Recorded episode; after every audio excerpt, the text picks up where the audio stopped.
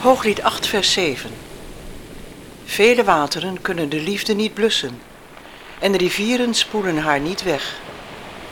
U luistert naar Verbonden voor het Leven Radio. Een eenvoudige bijbelstudie over het huwelijk, zoals God het bedoeld heeft. Samenstelling en presentatie Willem en Helen Lingeman.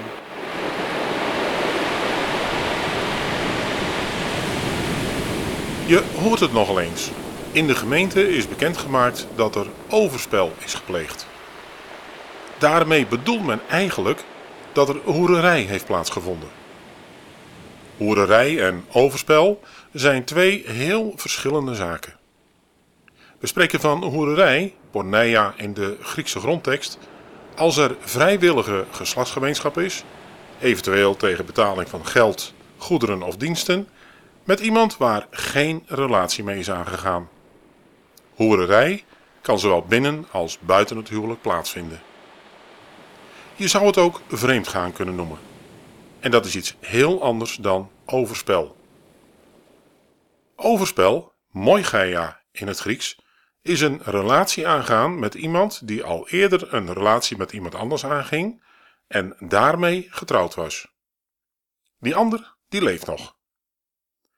We spreken ook van hoererij als jongeren met elkaar experimenteren, want ze hebben immers geen relatie met elkaar. Ze kunnen wel goede vrienden zijn, maar zijn niet met elkaar getrouwd. Er is dus een duidelijk verschil tussen hoererij en overspel. Niet alleen in de Griekse taal, maar ook in de praktijk.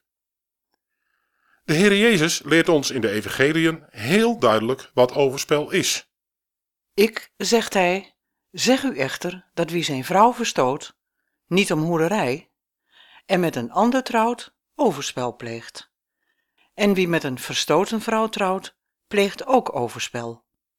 Ook Paulus sluit hierbij aan als hij in Romeinen 7, vers 2 en 3 zegt: Want de gehuwde vrouw is door de wet verbonden aan haar man bij diens leven.